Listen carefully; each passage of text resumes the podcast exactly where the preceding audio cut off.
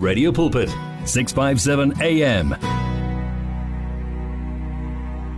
Oh ungiphethe kahle moya ongcwele uma mhlengi wemhlaba ekanye no Tony ngwenyama. Selishayileke elesine iHorace ingena ngala eh esigabeni sok gcina owesigaba sesithathu um it's 11 after after 4 o'clock silake singena kwi discussion yethu eh yosuku ngikanye nomfundisi Aaron Velem kanye no Reverend Fezile eh maqaqa. Nginabo nje kulenyanga yonke eh ka November eh umfundisi maqaqa sinaye elayinini umfundisi Aaron Velem yena okhona ngala e studio um umfundisi maqaqa sawubona. Sawubona manhlapho sawubona baba umfundisi Velem eh ngibingelela nabalaleli be pulpit Amen amen. Siyabonga baba ukuthi uphinde ube nathi ku lentambama eh siqhobekile sakhuluma ngendaba le em ye prophecy kodwa ke namuhla si sithatha ngenye angle angithi mfundisi. Angazi nokuthi ukhuluma nami noma ukhuluma nomfundisi uvele umuntu efundisa em angithi ke oh ukuzokuhlukanisa ithi ngithi referent kuwena ngithi mfundisi ku eh, Aaron Velem. Uma ngithi referent kusho ukuthi ngikhuluma nomfundisi ufezile. Mhm. Okay. Ehe.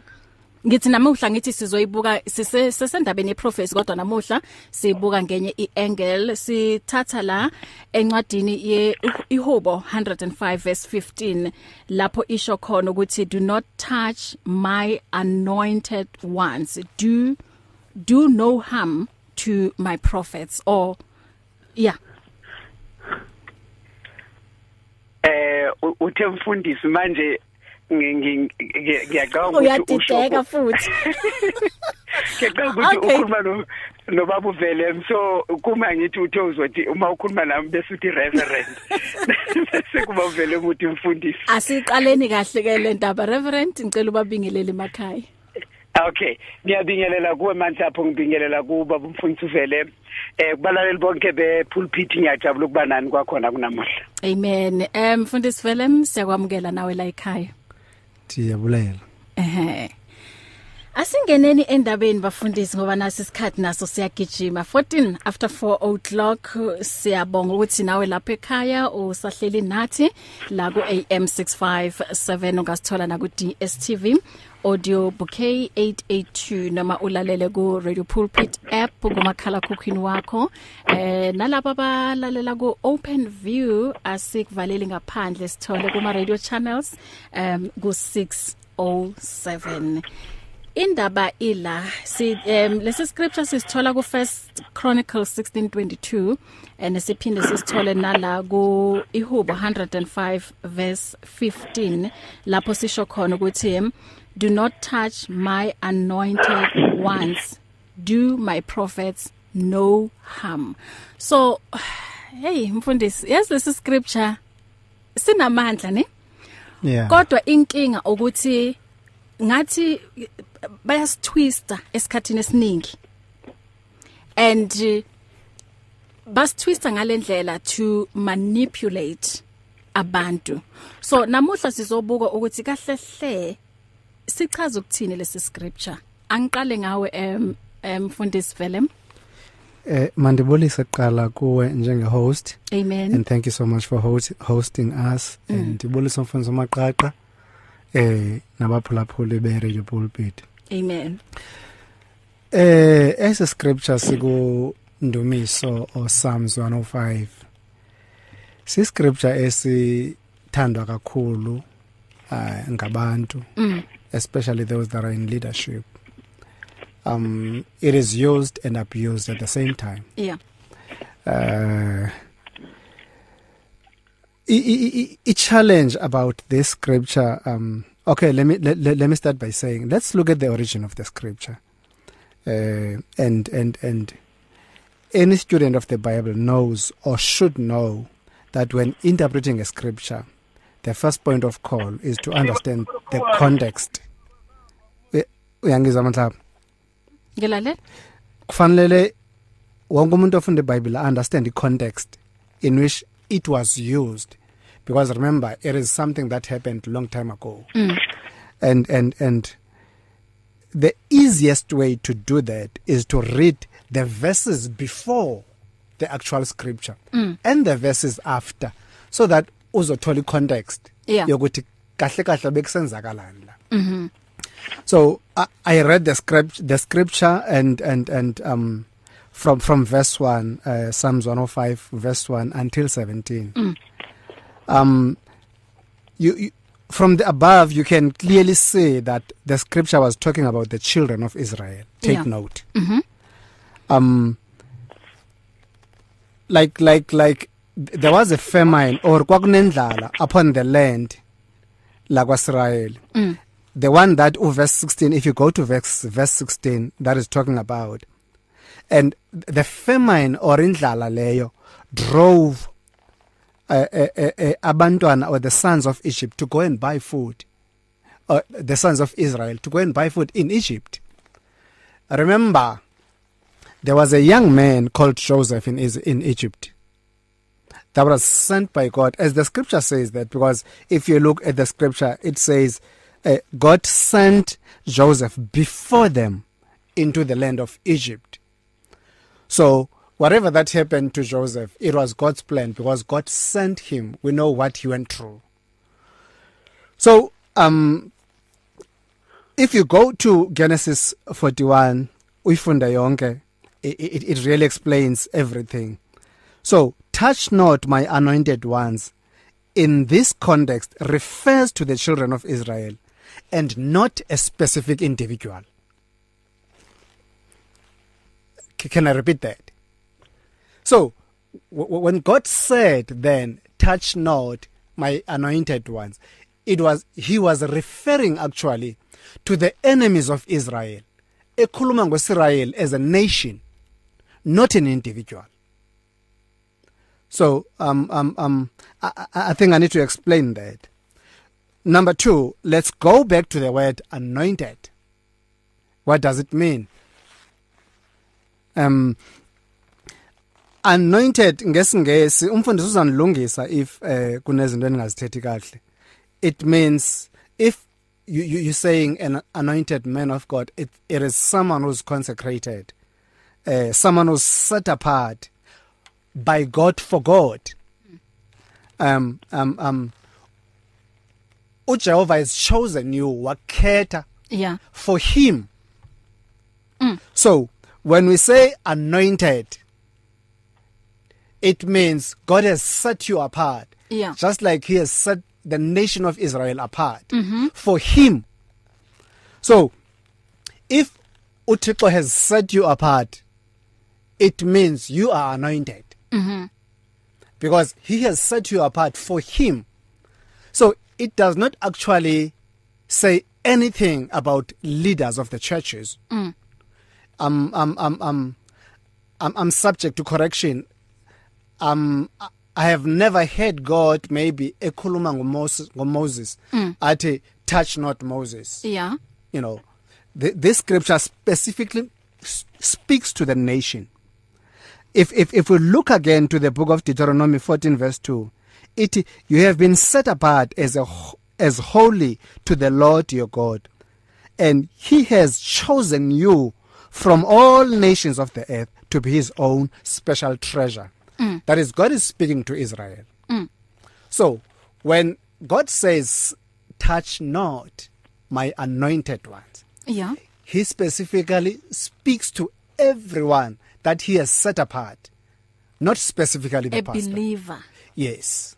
So kusho ukuthi all believers are God's anointed. Yes. Wow ngiyakuzwa. Mfundisi ungangena kule ndaba? Eh reverend ungangena kule ndaba? Uh, we we we we're going to differ no Babu Velem in in in in many different aspects. Yeah. Uh, in terms of interpretation. okay. Oh, owokuqala it's a very interesting topic because what is true to what you have said into ukuthi uh there is an abuse that is happening. Mm. Uh when it comes to this uh passage. Mm. In terms of the use. In terms of the use. In Yeah. terms of the use how it's used. Mm. and the purpose of it therefore. Uyayisetshenziswa kahle eh one uyisebenzisa for his or her own gains instead of ukuyisebenzela what was it intended for Mm. um th that's that's that's the first thing that I want to agree with you on ukuthi uh it's unfortunate that we see a rampant increase Mm. eh ku- kule ndaba okusetshenziswa ngendlela engekho kahle kwale kwale kwale kwale kwale scripture then um size ke ku- ku- kule kule ndaba yok explainwa ebavele ma explainayo yo yo yo- yo yogcotshiweyo or umgcotshwa ka ka kaNkuluNkulu the anointed one of God. Eh if if you if if if if you realize uh okay if besilalele kahle you mentioned two different passages that le le, le line or le phrase oyifundile ementionwe khona. Akunjalo manthapha Yeah, the anointed ones and the prophets. yes Mhm. but the phrase is the same touch not angithi Yes. yeah Yes, the, the, the phrase is is actually the the, the, the, the same one. I think ubavele uyishilo eh ukuthi the, the the first one refers more to the entire nation, right? Mhm. Mhm. Mhm. Then uh I think wanga mention again ngokuthi the second one Mm. Which which talks to the prophets. Yeah. Now it goes to an individual. But Um, prophets ithi ikhuluma ngokuthi do no harm. uh, yeah, uh, uh, exactly which is the way I see it u- semantic because if ever it do no harm uh, you can you can you can easily go back to touch not because at the end of the day it do not hurt Oh, okay. we are u- u- I'm sure u touch not the, the the previous one Mm. well that was talking to the nation Mhm. begati begati in general do not hurt Okay. then I'm sure nalo othi do no harm in general uthi do not hurt Mm. but Okay. as as buyeleni kulento koqale ngayo ethi the abuse of it Yeah.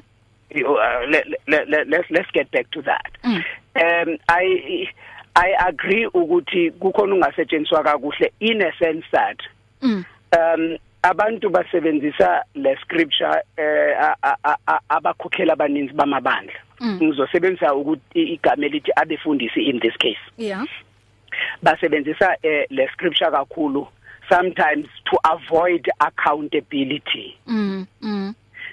especially when it comes to how sometimes uh, they run the administrative processes Mm. zamabandla Mm. so uthola ukuthi ke manje when there are questions around those issues eh le scripture siyavela Mm. i don't think le scripture siyas absolve so to speak Yeah. in terms of responsibility siyasikhupha singabefundisi or noma ke as umfundisi vele emasho abasetwe apart for uNkulunkulu i don't think siyasikhipha kwe element ye responsibility Mhm. i I- asithi ngoba sibekelwe bucala ngoThixo therefore we cannot account ngendlela esenza ngazo izinto especially indlela eserana ngayo organization itself Mm. Mm. Mm. we cannot account ebantwini we Mm. understand Mhm. eh i i I- ang- angiboni sisho kanjalo I, I I do- i don't think it refers to that ngoba if ever city it refers to that for Mm. me sipaint uNkulunkulu ngendlela ethi akacabangi Mhm. siplay sipaint uNkulunkulu ngendlela ethi uNkulunkulu never thought ukuthi this area of the script of the scripture can be exploited Mm, we mm, understand mm. uh, i don't think that is actually the case Mm. it's such that thina siyas twister for our Yeah. own ends we Yeah. understand because Mhm. if ever we responsible for if ever ukhokhela abantu Yeah. if ever ukhokhela abantu Mm. um i think it's only fair ukuthi sithi kuwe you are responsible for these people. And once that you are responsible uh for the, you are responsible for these people mm. or for these souls ezikulandelayo that simply means that indlela oziconducta ngayo is open for questioning. Ingaquestionwa ngoba ukhokhela abantu. Why? Why? Ngoba it's not personal. Mm. once to ukhokhela abantu you are a public entity ithi ngenza Yeah. umzekelo ngecompany Mm. icompany yami incane kuthiwa it's a private company then bese yakhula iminyaka emininzi yenza imali eningi. Bese ngenxa yobukhulu bayo angisakwazi ukuyihandlisha umaqaqa eyedwa. Ngithi ke ngidinga abanye abantu abazongisiza so that siyikhulise kakhulu. Bese ngithengisa ama shares ngithengisela wena bese ngithengisela nobaba uvelem. Then once kubekho abantu abawu 3 abawu 4 abawu 5 abanama shares in the same company bese kuthiwa ke manje this is a public entity now seyilistiwe e Johannesburg Stock Exchange ngoba akuseyo company yomuntu oyedwa. Yeah. kodwa iya iya inama board of trustees abantu abanama shares kuyo Kusho- lonto isho ukuthini? Isho ukuthi angeke ngi- ngirane ngendlela engifuna ukuyirana ngayo manje because angisekho ngedwa. Bakhona abantu engi account kubo ngoba it's a public entity not only a private entity. It is publicly listed. So kuyafana ke nemandla. Once ukhokhela abantu and sithi wena uqanduva lwemiphefumulo yalabantu luphezulu kwakho then you are you, you, your your ways indlela zakho they are open to questioning. Mm. Efemelini yakho we might not ngoba it's a private matter into esefemelini Yeah. but once kuthiwa ukhokhela usisi wami ukhokhela umalume wami ukhokhela ubaba omncane wami then you have opened yourself to me ukuthi ngikuquestion indlela osiconducta ngayo awukwazi therefore ukuthi mangiquestiona uthi touch not Yeah. Awukwazi U- ubaleka responsibility therefore. Yes, that is why I was saying ukuthi it seems like most of the time um leli hubo has been twisted by many to manipulate abantu. And it seems like um uma mhlawumbe you are a man of God um mhlawumbe nibandla or ningabantu akumele ni challenge nim challenge for anything. Or logo akupreachayo and where's mfundisi ukuthi um, uh, believers who fall for this they end up ba idolizer such Yes. yes. ministers mm. ngoba they believe ukuthi lokho akushoyo all eh, ngaso sonke isikhathi ku right and eh, akumele baba question uma ekhulumile ukhulumile and uma sibuka encwadini ka Luke 6:39 iya iyasho u- uKristu uya- uyakhuluma about the blind leaders and blind followers. Lapho esho khona ukuthi can the blind lead the blind? True that. Mhm no yeah. Ang- ngamanye ngamanye ama scripture oqeda kusibeka mhm irresponsibility noma no i- irresponsibility of choosing. Yeah. Your choice of choosing uh to follow. Mhm uh and and what to do and Mm. what do you do ngokulandela kwakho? Ayisabekwe ezandleni zalo ok- okukhokhelayo mhm kuphela but isibekiwe nasezandleni zakho. Once athi blind leader and blind follower kusho ukuthi ne follower leyo becomes accountable immediately. kuNkulunkulu mm, mm. uNkulunkulu uthi lo decide ukumlandela you are accountable ngokwenza law choice manje once athi blind follower Mm. uma bekethe only blind leader then bengizothi then kuyisono shame ngalolandelayo ngoba a- akazi lutho and can't be hold responsible ngoba akazi Yeah. but once uNkulunkulu athi also blind follower Mm. kusho ukuthi Oh, ungiphethe kahle moya ongcwele uma mhlengi wemhlaba ekanye no Tony ngwenyama. Selishayileke elesine iHorace ingena ngala eh esigabeni sokugcina owesigaba sesithathu. Um it's 11 after after 4 o'clock silake singena kwi discussion yethu eh yosuku ngikanye nomfundisi Aaron Velem kanye no Reverend Fezile eh maqaqa nginabo nje kulenyanga yonke eh ka November. Eh umfundisi maqaqa sinaye elayinini umfundisi Aaron Velem yena okhona ngala e studio em umfundisi maqaqa sawubona. Sawubona manhlapho sawubona baba umfundisi uvele eh ngibingelela nabalaleli be be pulpit. Amen amen. Siyabonga baba ukuthi uphinde ube nathi ku lentambama eh siqhubekile sakhuluma ngendaba le em ye prophecy kodwa ke namuhla si si- sithatha ngenye angle angithi mfundisi. Angazi nokuthi ukhuluma nami noma ukhuluma nomfundisi uvele umuntu emfundisi Em, eh angithi ke oh ukuzokuhlukanisa ithi ngithi referent kuwena ngithi mfundisi ku ku eh, Aaron Velem. Uma ngithi referent kusho ukuthi ngikhuluma nomfundisi ufezile Mhm. okay. Ehe. Ngithi namuhla ngithi sizoyibuka sisendabeni yeprofesi kodwa namuhla sibuka ngenye iangle. Sithatha la encwadini ye ihubo 105 verse 15 lapho isho khona ukuthi do not touch my anointed ones. Do do no harm to my prophets or yeah. Eh uthe mfundisi manje ngiyaqala ukuthi uyadideka futhi. Ngiyaqala ukuthi ukhuluma nobaba uvele. So kuma ngithi uthe uzothi uma ukhuluma nami bese uthi reverend. Bese kuba uvele umuthi mfundisi. Asiqaleni kahle ke le ndaba. Reverend ngicela ubabingelele emakhaya. Okay ngiyabingelela kuwe manje lapho ngibingelela kuba umfundisi uvele eh kubalaleli bonke be pulpit ngiyajabula ukuba nani kwakhona kunamuhla. Amen. Eh mfundisi Velem siyakwamukela nawe la ekhaya. Siyabulela.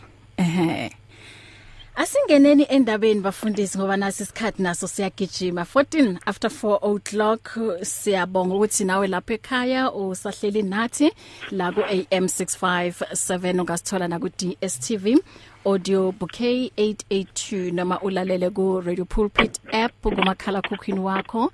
Eh nalabo abalalela ku Open View asikuvaleli ngaphandle sithole kuma radio channels um ku 607 indaba ila si um lesi scripture sisithola ku First Chronicles 16:22 and siphinde sisithole nala ku Ihubo 105 verse 15 lapho sisho khona ukuthi do not touch my anointed ones. Do my prophets no harm. So hey mfundisi yes lesi scripture. Sinamandla ne? Yeah. Kodwa inkinga ukuthi ngathi bayasitwista esikhathini esiningi. And uh, basitwista ngalendlela to manipulate abantu. So namuhla sizobuka ukuthi kahle hle sichaza ukuthini lesi scripture? Angiqale ngawe em mfundisi Velem Eh mandibulise kuqala kuwe njenge host Amen. And thank you so much for host, hosting us. Mm. and ndibulisa umfundisi amaqaqa eh nabaphulaphuli be Radio Pulpit. Amen. Eh ese scripture siku Ndumiso o Psalms 105 Si scripture esithandwa kakhulu uh, ngabantu. Mm. Especially those that are in leadership um it is used and abused at the same time. Yeah. Uh i i challenge about this scripture um okay let me let, let me start by saying let's look at the origin of the scripture. Uh and and and any student of the bible knows or should know that when interpreting a scripture the first point of call is to understand the context uyangizwa manhlaba ngilale kufanele wonke umuntu ofunda iBhayibheli understand the context in which it was used because remember it is something that happened long time ago mm. and and and the easiest way to do that is to read the verses before the actual scripture mm. and the verses after so that uzothola icontext yeah. yokuthi kahle kahle bekusenzakalani la mhm so I, I read the script the scripture and and and um from from verse 1 uh, Psalms 105 verse 1 until 17 mm. um you, you from the above you can clearly see that the scripture was talking about the children of Israel take Yeah. note mhm um like like like there was a famine or kwakunendlala upon the land lakwaIsrael mm. the one that oh, verse 16 if you go to verse verse 16 that is talking about. And the famine or indlala leyo drove uh, uh, uh, abantwana or the sons of Egypt to go and buy food. Uh, the sons of Israel to go and buy food in Egypt. Remember there was a young man called Joseph in in Egypt. That was sent by God as the scripture says that because if you look at the scripture it says uh, God sent Joseph before them into the land of Egypt. So whatever that happened to Joseph it was God's plan because God sent him. We know what he went through. So um if you go to Genesis 41 uyifunda yonke it, it, it really explains everything. So touch not my anointed ones. In this context refers to the children of Israel and not a specific individual. Can i repeat that? So when god said then touch not my anointed ones it was he was referring actually to the enemies of Israel. Ekhuluma ngoIsrael as a nation not an individual. So um um um I, I think i need to explain that. Number 2 let's go back to the word anointed. What does it mean? Um anointed ngesingesi umfundisi uzanilungisa if eh kunezinto engazithethi kahle. It means if you, you you're saying an anointed man of God it it is someone who's consecrated uh, someone who's set apart. By God for God. Um um um uJehova has chosen you wakhetha yeah. for him. Mm. so when we say anointed it means God has set you apart. Yeah. Just like he has set the nation of Israel apart mm -hmm. for him. So if uThixo has set you apart it means you are anointed. Mm -hmm. because he has set you apart for him. So it does not actually say anything about leaders of the churches. Mm. I'm I'm I'm I'm I'm, I'm subject to correction. Um I have never heard God maybe ekhuluma ngoMoses ngoMoses. Mm. athi touch not Moses. Yeah. You know the, this scripture specifically speaks to the nation. If if if we look again to the book of Deuteronomy 14 verse 2 it you have been set apart as a as holy to the Lord your God and he has chosen you from all nations of the earth to be his own special treasure Mm. That is God is speaking to Israel. Mm. So when God says touch not my anointed ones. Yeah. He specifically speaks to everyone that he has set apart. Not specifically the a pastor. believer. Yes. So kusho ukuthi all believers are God's anointed. Yes. Wow, ngiyakuzwa. It's difficult to face the overwhelming pressures of life alone. Sometimes we just need someone to talk to, someone to listen to us. And what better way to do that than through a quick and easy WhatsApp text? Whether you're having a hard time coping with school, family issues, being bullied, depression, or anxiety, speak to someone who cares today. Send a WhatsApp message to 064 530 6805 or 074 995 9085. Our I Am Youth Counseling team, Charles Dudoy and Danny Vambili, are ready to connect with you today. As easy as the touch of a button. The message of life on 657 AM.